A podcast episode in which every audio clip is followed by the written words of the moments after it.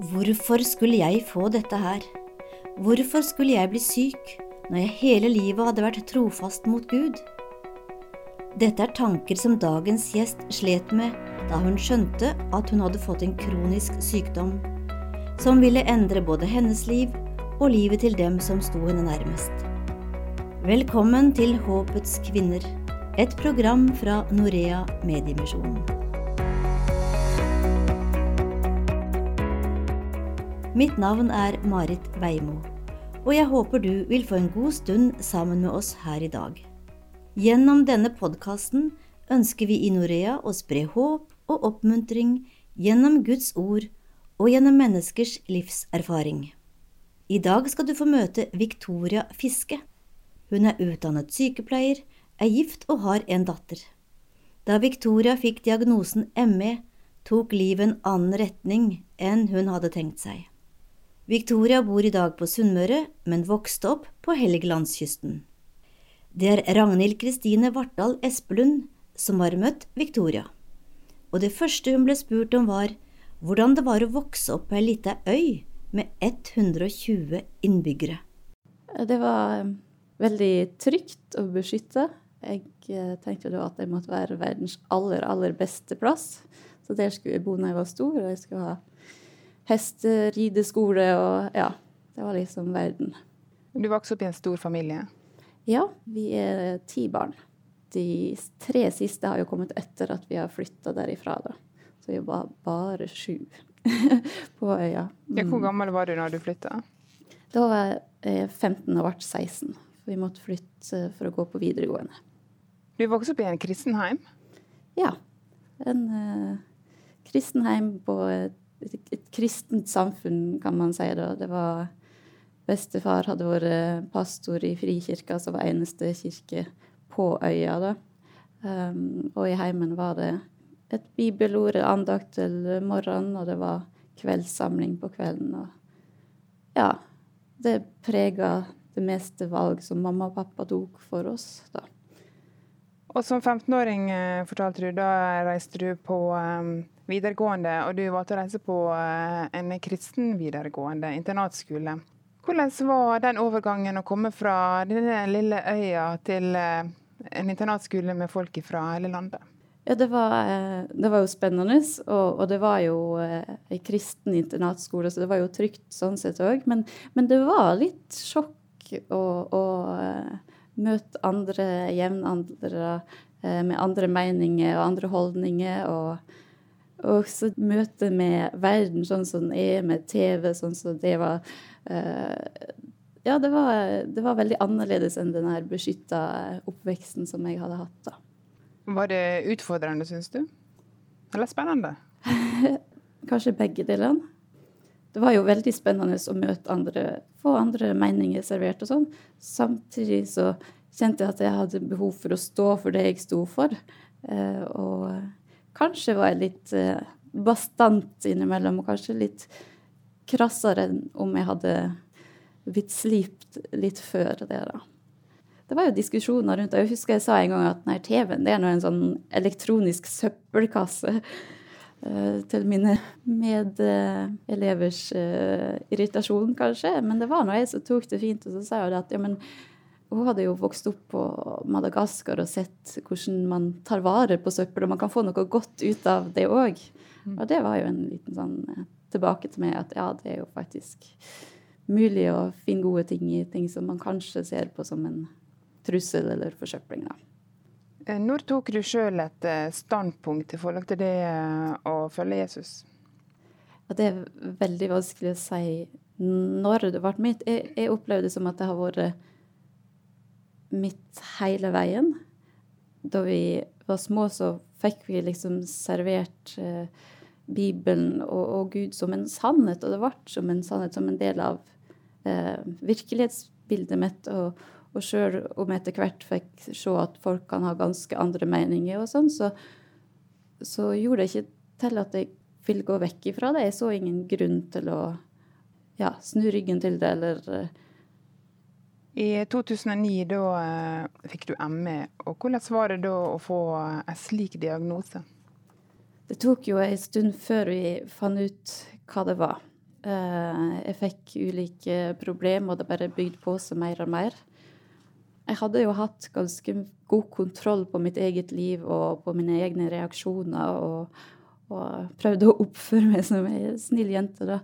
Og når jeg da merka at jeg ikke hadde kontroll på livet mitt, og, og egne følelser og som var vanskeligere å holde tilbake og, og skjule, så ble det det ble veldig vondt. Fortvilende å oppleve det sånn sjøl. Og, og, i smerten og, og kavinga for å prøve å finne ut av det her, så tror jeg nok jeg kjente litt på bitterhet. Vurderte liksom Hvorfor får jeg det her etter alt jeg liksom har gjort for Gud og, og vært trofast sånn? Er det her betalinga? Men det var bare litt sånne tanker som var, og så så jeg jo det ganske kjapt at det her som kommer fram nå, det har jo vært der hele tida. Jeg har jo bare hatt bedre kontroll på det. Og det jeg har hørt om at det er en synder, det ble veldig tydelig. Ikke bare teoretisk, men også praktisk.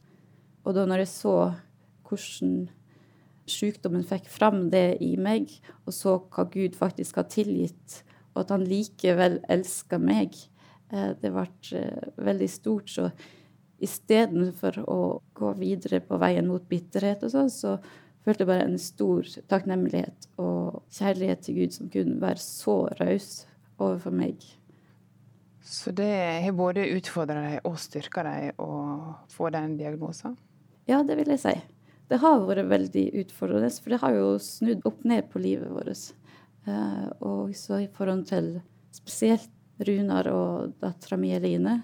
uh, hvordan jeg har vært overfor de, hadde vært veldig sårt og vondt å se. Uh, Runar ble jo kjent med meg som en helt annen person. Og vi hadde sett frem til å kunne ha et åpent heim og, og være aktiv og være med andre og, og, sånn. Og så har vi fått liksom det sosiale livet helt innskrenka, og, og jeg har vært hissig og sint og irritabel hjemme. Og, og, og, det har vært veldig utfordrende. Samtidig så har vi, både Rune og jeg, kjent at Gud har jobba gjennom det for å nå oss og bevare oss.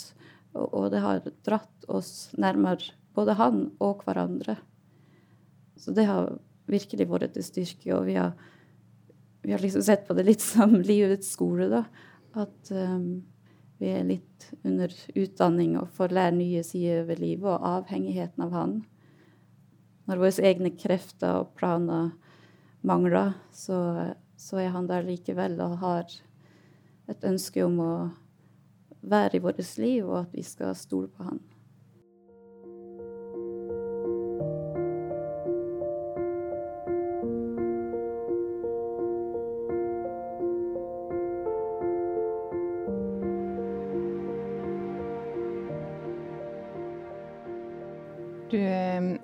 Nevnt et bibelvers eh, for meg, Romerne 8,28, som betyr mye for deg. Hvorfor akkurat dette bibelverset? Det er jo sånn som det er skrevet, så det får vi vite at alle ting samvirker til gode for dem som elsker Herren, den som etter Hans råd er kalt. Og det ble veldig eh, OK å ta fram når man har masse smerte og er uttappa og sliten. Og så vet jeg at som Guds barn hvis jeg er kalt til å være hans barn, så har han det her løftet til oss at alle ting, absolutt alle ting, kan samvirke til det gode. Og så tenker vi at det er bare helt fantastisk å, å trekke fram, da. Og tenke på at uh, det her vil være til det gode. Kanskje ikke bare for oss, men også andre gjennom oss. Uh, og det har gjort det litt eh, lettere å holde ut og stå i, i de kampene som har vært, da. Hva vil du eh, si at uh, trua betyr for deg i dag? Det preger jo de fleste valg jeg og vi som familie tar. Uh, vi har begrensa med uh, overskudd og sånn, at det påvirker hva vi prioriterer å gjøre som familie. og og i ukedagene hva vi går på og er med på. Og så i heimen. Jeg tenker på det, Hvis de skulle ha tatt vekk alt som har med tru å gjøre i heimene våre, så ville det ha blitt ganske nakent. Det hadde føket ganske mange hyllemeter med bøker og musikk og pynt og sånn. Så trua er noe jeg har fått som virkelig omslutter hverdagen vår og, og livet. Bruker å starte eh, dagen med andakt, eh, lese for dattera mi før hun går på skolen, og, slutte dagen med henne òg, da, med å lese gjennom noe som heter Alfa Super, tror jeg det heter. Sånn familieopplegg. Eller bibelleseringen har. Og innimellom der så er det jo musikk vi velger å høre på, eller bøker vi leser. Det er veldig kjekt å se eh, dattera mi nå som eh, Når de skal ha noe på skolen, framvisning eller sånn, så velger hun gjerne kristne sanger som hun har lært i barnekoret eller hørt på CD, og hun kan også velge det til sportsdrill oppvisning som hun har for klassen. da. Og at det er med å, å, å prege hun òg, uten at vi presser henne til å gjøre det. noe sånt, så faller det naturlig. Også nå når det er fastetid, liker å markere høgtiden òg, eh, og ha litt fokus på det. Eh, men det var litt artig nå, så hadde vi tenkt at ok, vi må finne på noe eh, denne fasen òg. Så fant vi ut at vi to store vi skulle prøve å ha skjermfri mellom middag og dattera vår er lagt, sånn at vi får mer fokustid med henne. Og, og, sånn. og så lurer jeg på hva hun hadde tenkt å gjøre, og så hadde hun tenkt litt på det. også. Men hun hadde ikke sagt det, så jeg har fått med meg. Så sier jeg en dag at eh, du kan jo forresten gå opp og rydde på rommet ditt nå. Nei, det er fasteprosjektet mitt. Jeg skal ikke rydde. så det eh, Selv om eh, vi liker å tro at det gjennomsyrer oss, så det er ikke alltid vi kanskje når like sterkt fram med, med, poengene i det valg vi tar og sånn, da. Men Gud har vært med i de valgene du har måttet tatt gjennom livet? Absolutt. Det har vært med um, valg av ektefelle, uh, valg av studie, og ikke ta hensyn til Gud og hans vilje. Det har vært uh, utenkelig, egentlig. Jeg ble kjent med Runar, så var det jo bare helt overveldet over hvor lik vi kunne være i tru og standpunkt og sånn. Og det, det, er så fantastisk godt å ha en ektefelle som, som du kan dele alt med. Og jeg tenker og ha gått gjennom det vi har vært gjennom nå, uten å ha felles tru. Jeg, skjønner ikke hvordan det kunne gått uten at det virkelig har vært problematisk for meg. Og vi prøver å be om at Gud må lede oss gjennom de valg vi tar, og, og i de utfordringene vi har. Så er det jo ikke sånn at vi ser Skriften på veggen, eller sånn, men vi mener å se at han, han, er der og åpner og lukker dører sånn som han, han, vil. Og vi får hvile i at når vi har lagt det framfor han og ønsker å gå der han vil ha oss, så er han også mektig til å kunne styre våre steg. Du har møtt Victoria Fiske i samtale med Ragnhild Kristine Vartdal Espelund.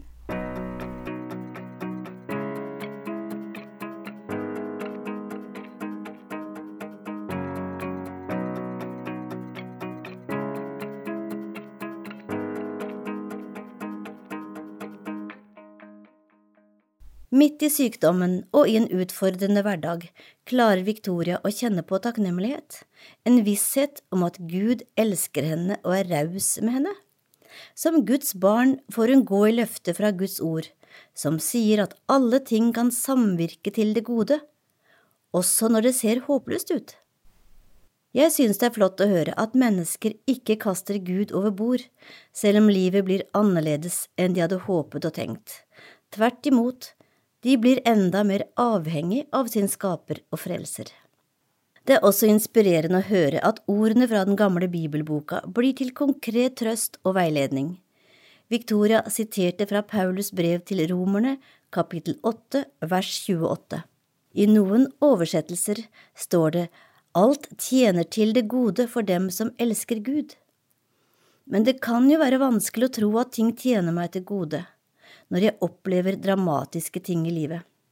Da synes jeg den oversettelsen som Victoria leste fra, fanger opp situasjonen litt bedre, for den inkluderer på en måte flere mennesker og flere elementer rundt oss. Her hørte vi at alle ting samvirker til gode, for dem som elsker Gud. Den store bønnebevegelsen Håpets kvinner er et godt bilde på dette samvirket. Vi regner med at over 60 000–70 000 kvinner og menn rundt om i verden bruker den daglige bønnekalenderen. Her løfter vi hverandre opp og fram for Gud, og vi blir også minnet på at vi kan være håpets kvinner for dem som står nær oss, og som har det vanskelig. Nå skal du få høre et vitnesbyrd, ja, en skikkelig gladhistorie fra Zanzibar. Men utgangspunktet var mørkt, ja, det var håpløst. Elisabeth fra Zanzibar vokste opp i et samfunn som var preget av frykt og vold. Hennes far var heksedoktor, og for å oppnå den tittelen måtte han til og med ofre det mennesket han var aller mest glad i, og det var storebroren til Elisabeth. Faren ble senere radikalt omvendt, men traumene og den dramatiske oppveksten fortsatte å prege Elisabeth.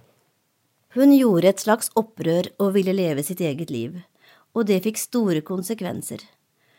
Hun ble kjæreste med en gutt som voldtok henne. Da hun skjønte at hun var gravid, ble faren rasende, og gutten krevde at hun skulle ta abort. Men Elisabeth ville ikke. Hun gjennomgikk store traumer og visste ikke sin arme råd. I denne tiden var det farens nye kone som ble hennes store støtte. Hver tirsdag lyttet hun til radioprogrammet Håpets kvinner, og hun fikk også Elisabeth til å høre på. Det ble vendepunktet i hennes liv. Elisabeth ble også med ei bønnegruppe, og de var i fullt arbeid da Elisabeth skulle føde. Hun fødte en datter og kalte henne Gres som betyr nåde.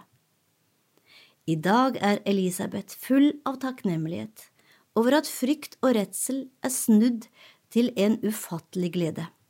Denne unge jenta på Zanzibar har fått oppleve å få være en del av dette gode fellesskapet, dette samvirket som tjener dem til gode, som elsker Gud. Du kan bli bedre kjent med Elisabeth og hennes historie hvis du går inn på norea.no. Øverst til høyre finner du TV, og der finner du et TV-program som handler om henne. Tittelen er Ble voldtatt, valgte å beholde barnet. Her finner du også flere av de flotte videoene som Norea har produsert med forskjellige mennesker i forskjellige arbeidslag i Guds store samvirke.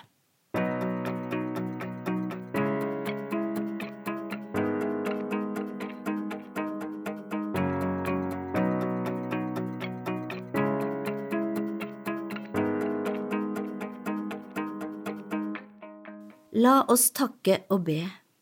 Gode Gud, vi takker og ber for alle som lytter til håpets kvinner her i Norge. Vi ber deg for dem som strever med sykdom og smerter. Måtte de få trøst og lindring gjennom Guds ord og gjennom arbeidet til håpets kvinner.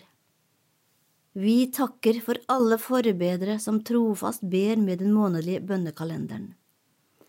Vi ber deg for alle kvinner som står overfor valget om de skal bære fram sine babyer. La dem få god veiledning og hjelp. Og vi takker for kvinner som velger livet for sine babyer, selv om omstendighetene ser håpløse ut. Vi takker for lyttere over hele verden som inviterer andre til å høre på radioprogrammet Håpets kvinner. Ta imot velsignelsen. Herren velsigne deg og bevare deg. Herren la sitt ansikt lyse over deg og være deg nådig. Herren løfte sitt åsyn på deg og gi deg fred. Amen. Takk for at du var med oss i dag, og fortell gjerne andre om at vi er på lufta. Du har lytta til programmet Håpets kvinne fra Norea Mediemisjon. Ønsker du informasjon om vårt arbeid, gå inn på norea.no.